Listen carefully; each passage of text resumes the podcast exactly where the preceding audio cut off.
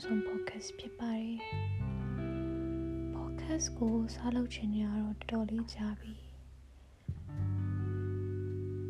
ဒါပေမဲ့လုံးဝလုပ်မယ်လို့ဆုံးဖြတ်ခဲ့တာတော့နလာ3လလောက်ပဲရှိဦးမယ်တဲ့အားလုံးပဲဒီ pandemic မှာခုမှအရန်ကိုဝန်ချက်ခံစားနေရတဲ့အချိန်မှာ ကျမကိုယ်တိုင်လည်းအရန်ကိုမွန်းချက်နေတယ်။ဒါပေမဲ့ကျမမြန်မာပြည်မှာတော့မဟုတ်ဘူး။နိုင်ငံရဲ့ခြားမှာနိုင်ငံရဲ့ခြားမှာကျမတယောက်တည်းအရန်ကိုလုံးလေးဖြစ်နေတဲ့အချိန်မှာ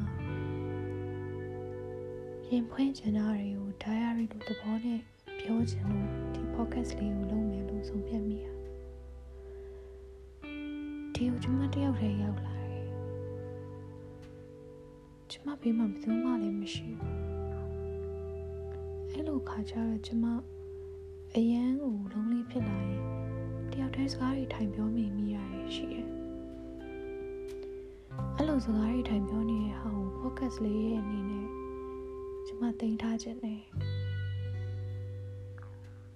ဘယ်သူမှနားထောင်မဲ့လူမရှိရင်တော့မှကိုယ့်ကိုရင်ဖွင့်လိုက်ရရင်နည်းနည်းလေးမျက်စိပေါ်သွားမလားလို့လေ อืมကျမကိုဘယ်သူမှနားထောင်ပေးမဲ့လို့မရှိတာတော့လည်းမဟုတ်ဘူးကျမမှာအရင်ကြီးဆုံးကျမအရင်ချစ်ရတဲ့ချစ်သူရှိတယ်ကျမတို့တငယ်ချင်းလိုရောအမလိုရောတကယ် best friend ကောင်းတစ်ယောက်ဖြစ်တယ်ကျမအမအရင်ရှိတယ်သူတို့ညကကျမဘယ်အချိန်မှဆိုရင်ဖွင့်နိုင်နားထောင်ပေးမဲ့လို့ ဒါပေမဲ့လေတခါလေကျတော့လူတိုင်းလူတိုင်းမှာကိုယ့်ဦးနဲ့ကိုယ်ရှိတယ်ကိုယ်စိတ်ညစ်စရာတွေလည်းကိုယ့်အကူရှိတဲ့အချိန်မှာအမြဲတမ်းစိတ်ညစ်တဲ့စိတ်ညစ်တဲ့နဲ့ညီးနေရကိုထိုင်နှာဖန်မှုပေးဖို့ကြတော့လေ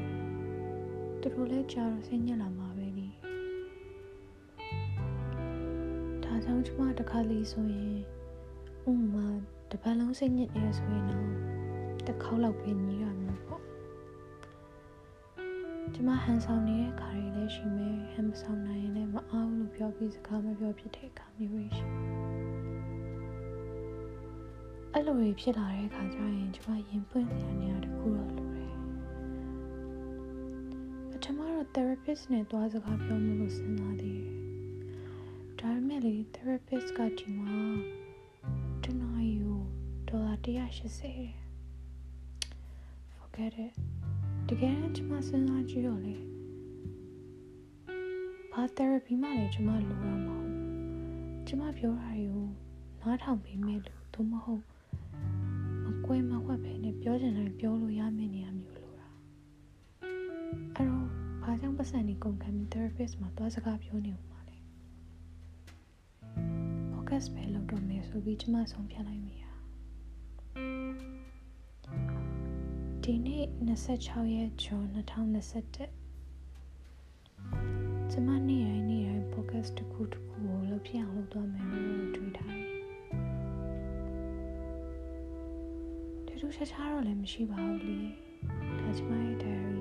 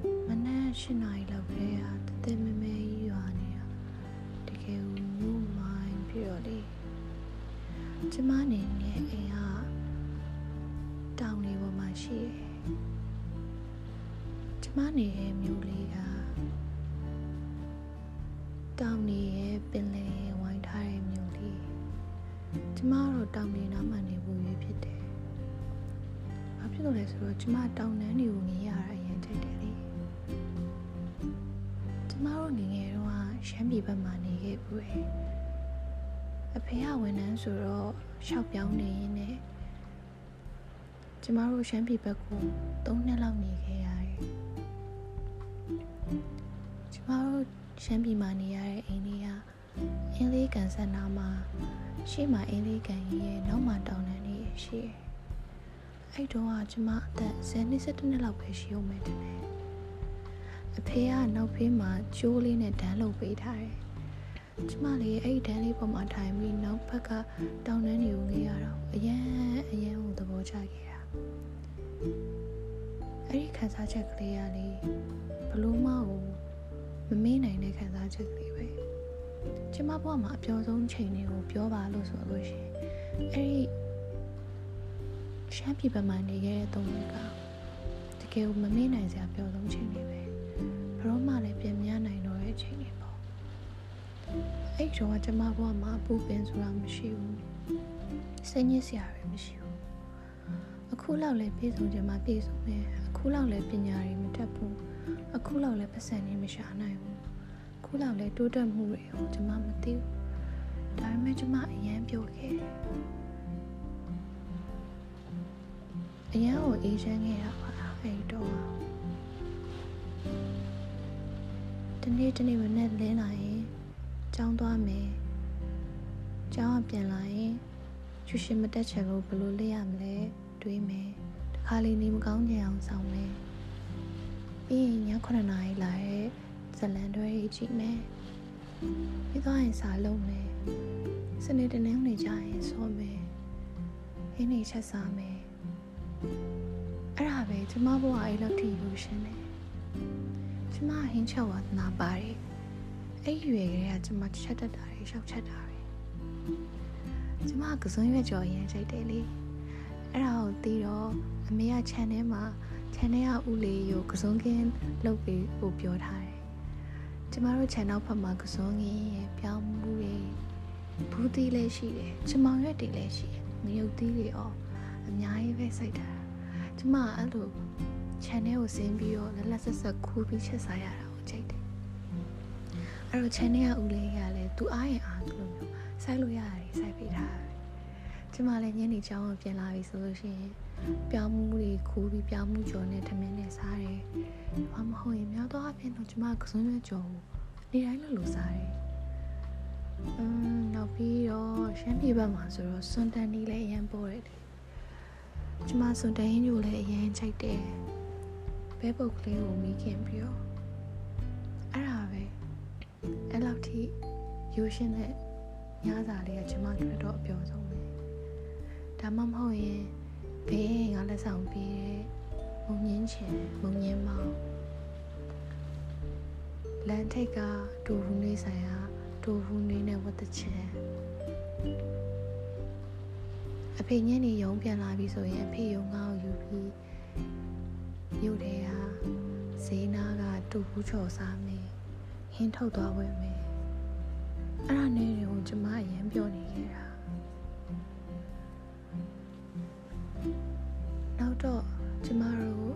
ရန်ကုန်ဘက်ကိုပြန်ပြောင်းလာခဲ့ရတယ်။ကျမရန်ငူခဲ့တယ်ကျမမမေ့တတော့ကျမမပြောင်းလာချင်ဘူးကျမရှမ်းပြည်မှာအရန်ပြောတယ်။အဲ့ဒီပြန်လာပြီးနောက်ပိုင်းမှာကျမတို့တော်တော်နဲ့ရှမ်းပြည်ကိုပြန်မရောက်ဖြစ်ကြဘူး။ ပြန်ပြောင်းလာတဲ့အချိန်မှာကျမရှစ်တန်းအဲ့ဒီမှာစပြီးတော့ဒီကိုရန်ဆယ်ရန်အတွက်ပြင်ဆင်နေရတာတွေနဲ့ကျမစပြီးမပျော်ရွှင်မှုကိုခံစားလာရတယ်လွတ်လပ်တဲ့အရာကိုဖြူစင်တဲ့ကျမရဲ့ခလေးဘဝတွေစပြီးကုံဆုံးနေတဲ့အချိန်ပေါ့ရှစ်တန်းကိုရန်ဆယ်ရန် ဆယ်တန်းမှာအမေကကျမကိုနာမည်ကြီးကျောင်းတစ်ကျောင်းကိုပြောင်းလိုက်တယ်အဲ့ကျောင်းကဝင်လို့လည်းမလွယ်ဘူးလေကျမတို့အမျိုးဆရာမတယောက်ရှိတဲ့အတွက်ကြောင့်မလို့သူ့ရဲ့ကူညီပေးမှုနဲ့ကျမဝင်လို့ရခဲ့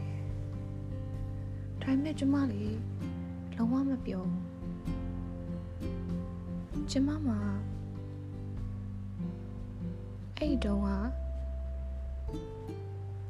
ဘယ်လိုပြောရမလဲဆိုတော့အမေတို့လှုပ်ပေးတာလည်းကောင်းအောင်လှုပ်ပေးရမှန်းသိတယ်။အဲဒီတော့ကျမကဒီဒီနာမည်ကြီးကျောင်းကိုတက်ရမယ်ဆိုပြီးတက်တယ်ဒါပေမဲ့အဲ့ဒါကလည်းမပြောဘူးမပြောတာကိုလည်းကျမအရင်ကြီး complain မလုပ်မလုပ်ခဲ့ဘူးနောက်ကျူရှင်တက်ရတယ်ကျူရှင်ကဝိုင်းကျူရှင် အဲ့ကျူရှင်လေးကတော့နည်းနည်းကျမပြောခဲ့တယ်ကျောင်းနဲ့ဆိုင်တနေ့တနေ့ကျောင်းသွားရမှာအရင်စိတ်ညစ်တာပဲအဲ့တော့ကကျောင်းနဲ့အိမ်နဲ့ကလည်းဝေးတယ်လေမောင်လေးကလည်းအဲ့တော့ကတော်တော်ငယ်သေးတော့အမေကခလေးတစ်ဖက်နဲ့ဆိုတော့ကျမကိုအချို့ဘူးလည်းမလုပ်ပေးနိုင်တော့ ferry စီးရတယ်။ကဲဆိုရင်တော့ ferry ကကျမတို့နောက်အိမ်ဆိုတော့ သူကကျမကိုမနဲ့အစောကြီးလာကြိုတယ်။ပထမဆုံးပဲကျမပြီးရင်အကြာကြီးပတ်တယ်ပြီးမှကျောင်းကိုသွားတယ်။ကျောင်းဆင်းတဲ့ချိန်ဆိုရင်လည်းကျမကိုနောက်ဆုံးမှပို့တယ်။ဘာဖြစ်လို့လဲဆိုတော့သူတို့အိမ်နောက်တယ်လေ။အဲ့တော့ကျမကမနဲ့ဆိုသူများတွေထက်တနားရီလောက်ပို့ပြီးစောထားရတယ်။ညနေပြန်ရင်လည်းတနားရီလောက်မှနောက်ကျရောက်တယ်။ပြန်ရောက်တာနဲ့မြန်မြန်ထမင်းစားစားပြီးရင်ကျူရှင်ကိုသွားရတယ်။ကျူရှင်ကတော့အိမ်ကလိုက်ပို့ပါတယ်။ ကျူရှင်မတော့နည်းနည်းလေးပြောဖို့ကောင်းတယ်။ကျမငယ်ငယ်ကတငယ်ချင်းလည်းရှိတယ်။ပြီးရင်ကျမကဆယ်ရန်တော့မှအရန်အသက်ရှူချက်တက်တဲ့ယောဂရှိတယ်။အမှန်တော့ stress တွေကြောင့်ပေါ့အဲဒီတော့ကတော့ stress တွေပါတယ်လေဘယ်လို manage လုပ်ရမလဲဆိုတာမသိခဲ့တော့အရန် stress ဖြစ်လာရင်ကျမအသက်ရှူချက်တယ်။ကျူရှင်မကျမရုတ်တရက်အသက်ရှူချက်ပြီးချက်ပြီးဆိုရင်အိမ်ကိုဖုန်းဆက်ခေါ်ရတာပဲ။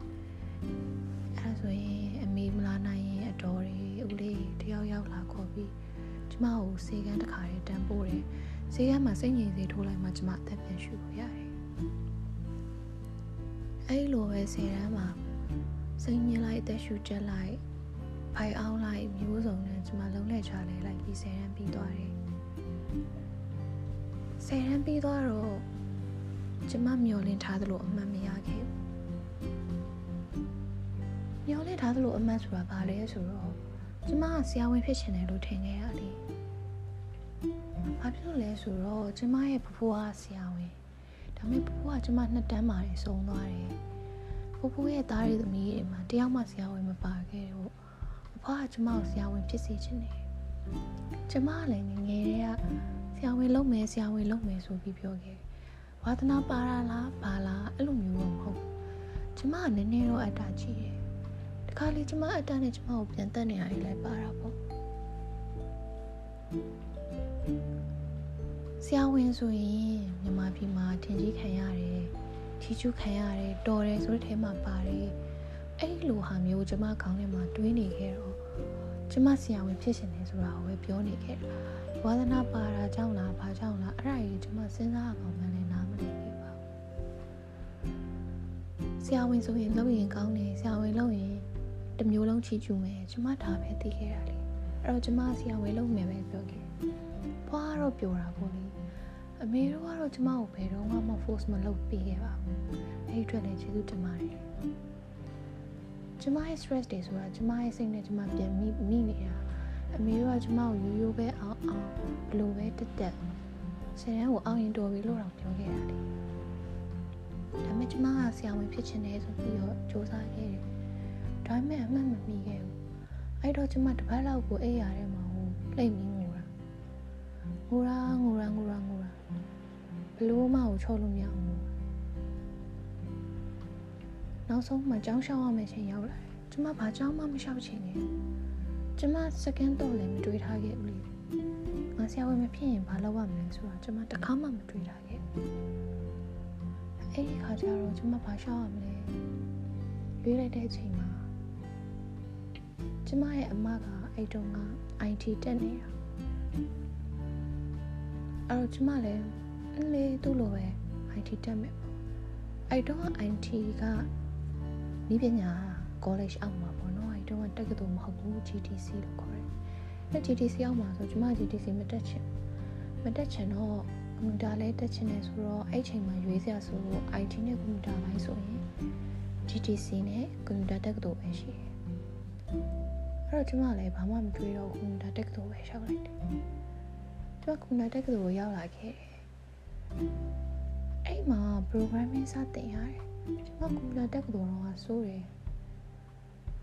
ကျကျမပထမဆုံးရရောက်ချင်းအေကန်ရောက်တယ်ဒါပေမဲ့ကျမစာလည်းမလုပ်ဘူးကျမစိတ်ဝင်စားရဆိုလို့ programming တစ်ခုပဲရှိတယ် Java Physics ဘာမှမလုပ်ဘူးကျမအတန်းလက်တယ် roll call ခေါ်ကန်ဒီမှာနောက်ကဝင်တယ်ကန်တင်းမှာထိုင်တယ်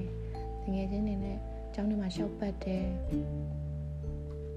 လောက်ရလောက်ပြီးတော့ကျမ first semester ဖြေပြီးသွားတဲ့အချိန်မှာ second semester ရောက်တော့ကျမစီကန်းရောက်သွားတယ်အဲ့ဒါလည်းကျမ I don't care တော့က AC ပဲစနေတနေ့ကနေဆိုလို့ရှိရင် Ryan လမ်းမှာ tuition တက်ရတယ် programming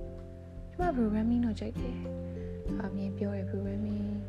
อืม IT ဘိုင်းရောက်သွားပြီဆိုတော့ programmer လုပ်မယ်ပေါ့လေအဲ့လိုပဲကျမတွေးခဲ့အဲ့တုန်းကရည်ရတယ်ဒီလား ကျမတို့ programming ကိုစာအုပ်ပေါ်မှာရေးခဲ့အဲ့တုန်းကအကြောင်းမှတင်တာက C++ အဲ့တော့ hash include ဘာညာကွီးကွာတွေဒီစာရွက်ပေါ်မှာရေးချရေးရအဲ့ဒါလည်းကိုကျမကတော်တော်ကြိုက်တယ်တကယ်ဘာမှန်းသိလို့တော့မဟုတ်ဘူးဒီကုတ်လေးတွေရေးရတဲ့ feel ကိုကျမကြိုက်တယ်ဒါပေမဲ့ second semester တက်နေတော့မှာပဲကျမမတက်ချင်တော့ကျမမနေချင်တော့ဘူးမေကိုပြောရမြန်မာပြည်မှာမနေချင်တော့ဘူး နိုင်ငံခြားသွားချင်တယ်ကျောင်းသွားတက်ချင်တယ်မေကပြောတယ်ငယ်ပါသေးတယ်အဲ့တုန်းက18ပဲရှိသေးတော့ဘွဲရအောင်လေးတော့ယူသွားပါအောင်နဲ့ဘွဲရပြီးမှသွားပါလို့ပြောတယ်ကျမကမရဘူးမရဘူးဆိုပြီးကျမငိုတယ်အဲ့တော့အချင်းချင်းချင်းချင်းမိတွေကိုအဖေတို့အိမ်မှာတိုင်ပင်ပြီးတော့ကျမအမကလည်းကျမပေါ်မှာအများကြီး supportive ဖြစ်တယ်ကျမဘာလုပ်ချင်လုပ်ချင်သူအများရန်ကျမကို support လုပ်ပေး တယ်တကယ်လို့အမေကကန့်ကွက်တယ်ဆိုရင်တော့သူကမှန်တယ်ထင်ကျမဘက်မှာအများကြီးရှိပေးတယ်အမပါအဲ့တော့သူကလည်းအမေကိုပြောတယ်အမေညီမလေးကိုပြီးသွားလိုက်ပါသူအရန်သွားချင်တယ်အဖေတို့ကအဖေကလည်းကျမကို support ပေးတယ်ဘာတက်မှလဲကျမကိုမေးတဲ့အချိန်မှာကျမအဲ့တုန်းကဒီ 3D animation တွေ game တွေ game programming တွေကိုတက်ချင်တယ် ဒါပေမဲ့ပြန်တွေးကြည့်တဲ့အချိန်မှာအဲ့တုန်းကကျမတို့ Asian တွေဆိုတာရှိတယ်။ Asian တွေနဲ့စကားပြောတဲ့အချိန်မှာသူတို့ကအာ IT ပဲတက် IT ကပိုကောင်းတယ် blah blah blah all this sort of things တွေသူတို့ကပြောတဲ့အချိန်မှာ okay ဒီကျမ IT တက်မယ်ဆိုပြီးတော့ IT ပဲတက်လိုက်အဲ့နဲ့သူတို့ပြောရရင်ကျမနိုင်ငံခြားရောက်သွားတယ်ပေါ့နော်ကျမရောက်သွားတာကစင်ကာပူ စင်ကာပူဘာလို့သွားတာလဲဆိုတော့လေအဲ့တုန်းကကျမမှာရွေးစရာအများကြီးမရှိခဲ့ဘူးကျမပထမဆုံးသွားဖို့လုပ်ခဲ့တာက Hong Kong Polytechnic Hong Kong Polytechnic မှာအဲ့တုန်းက scholarship ရတယ်ဒါပေမဲ့အမေက Hong Kong မသွားစေချင်ဘူးကျမအရန်ငယ်တဲ့ Hong Kong ကအဲ့လောက်ထိစိတ်ချရပါမလားဘောနော်သူကလည်းပြောတယ်အာအဲ့လိုနဲ့အမေကသူအရန်စိတ်ပူနေတယ်ကျမတခြားနိုင်ငံတွေသွားချင်တယ်ကျမကိုရီးယားသွားချင်တယ်အဲ့တုန်းက အဲ့လိုသွားချင်ခဲ့တာတွေအများကြီးပေါ့နော်။ Australia ဒါပေမဲ့အဲ့ခေတ်တုန်းကကျမတို့ဒီ Australia တွေတခြားနိုင်ငံတွေကသွားဖို့အရန်ကိုခက်တယ်။လုပ်ရမယ့် step တွေကလည်းအရန်များတယ်။ကျမကလည်းအရန်ကိုထွက်ချင်နေပြီဆိုတော့ထွက်လို့အလွယ်ဆုံးနဲ့ safe ဖြစ်ဆုံးနိုင်ငံက Asia မှာလည်းဖြစ်တယ်။မြန်မာပြည်နဲ့လည်းအရန်မဝေးဘူးဆိုတော့မိကသူလည်းစိတ်ချတယ်ဆိုပြီးတော့ကျမဟိုစင်ကာပူရွေးပေးလိုက်တယ်။ကျမလည်းရတယ်နိုင်ငံခြားထွက်ရင်ပြီးတော့ကျမအဲ့လို နိုင်မမနေချင်တော့ဘူးဆိုပြီးတော့ထွက်လိုက်ခင်လိုက်တယ်အဲ့မှာကျွန်မစင်ကာပူရောက်ကိုစင်ကာပူရောက်တော့လေအဲ့တုံးနှစ်ကကျွန်မကိုလုံးဝမပြောဘူးလားလို့မေးပြောခဲ့ပါတယ်ကျွန်မရဲ့ happy memories တွေထဲမှာပါတယ်ထဲမှာလည်းပါတယ်ဒါပေမဲ့အဲ့ဒီမှာကျွန်မရဲ့ဘဝ struggle ဒီစူးစမ်းရတာတွေအကုန်လုံးကိုရှော့ဘော်ကိုရက်တည်တာတွေကျမရဲ့ဘဝတကယ်စခဲ့တယ်လို့ပြောရမယ်။အဲ့တုန်းက2009ကျမအသက် session နဲ့မှာစင်ကာပူ undergrad တက်ဖို့စာရောက်ခဲ့တယ်။ရောက်ရောက်ချင်းမှာကျမဘယ်သူမှတငယ်ချင်းသိမရှိဘူး။ကျမတို့နဲ့ဆွေမျိုးနီးစပ်တော်တဲ့အမတယောက်တော့ရှိရဲ့။သူကကျမကိုလိုက်ပြပေးပါတယ်။ အဲ့ဒီစင်ကာပူရောက်ချင်း story ရလေးကျမနောက်ထပ် episode တစ်ခုသက်သက်လောက်အောင်မယ်တိလားတကယ်ပြောစရာတွေအများကြီးပဲဒါပေမဲ့ဒီမှာကတော့ဒီမှာအကြမ်းမြင့်လေးပဲပြောမယ်ပေါ့နော်အဲဒီမှာကဘယ်လိုလဲဆိုတော့ရရောက်ချင်းမှာဒီမှာအဲ့လိုပဲတီးမရှိပါမရှိနဲ့တယောက်တည်း struggle လိုက်ရတယ်ဒါပေမဲ့အဲ့တော့ကလေ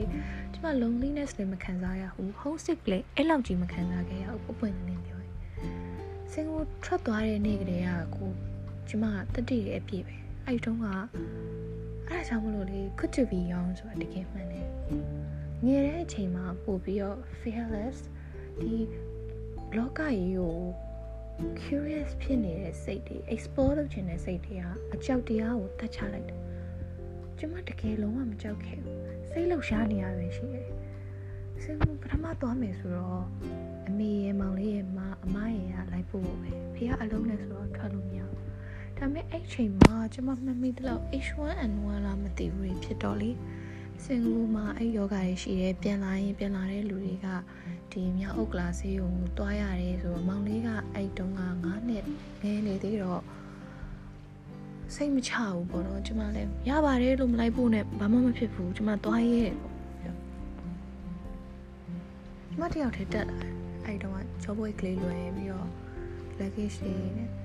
ဖေတို့မေတို့ကလေစိတ်ထိလိုက်ဖို့တဲ့ချိန်မှာမျက်ရည်တွေဝယ်ပြီးကြံခဲ့ကျမလည်းနည်းနည်းမှမငိုခဲ့ဘူးကျမလေးမတက်သွားတယ်နောက်ကျတော့အမကပြန်ပြောပြတယ်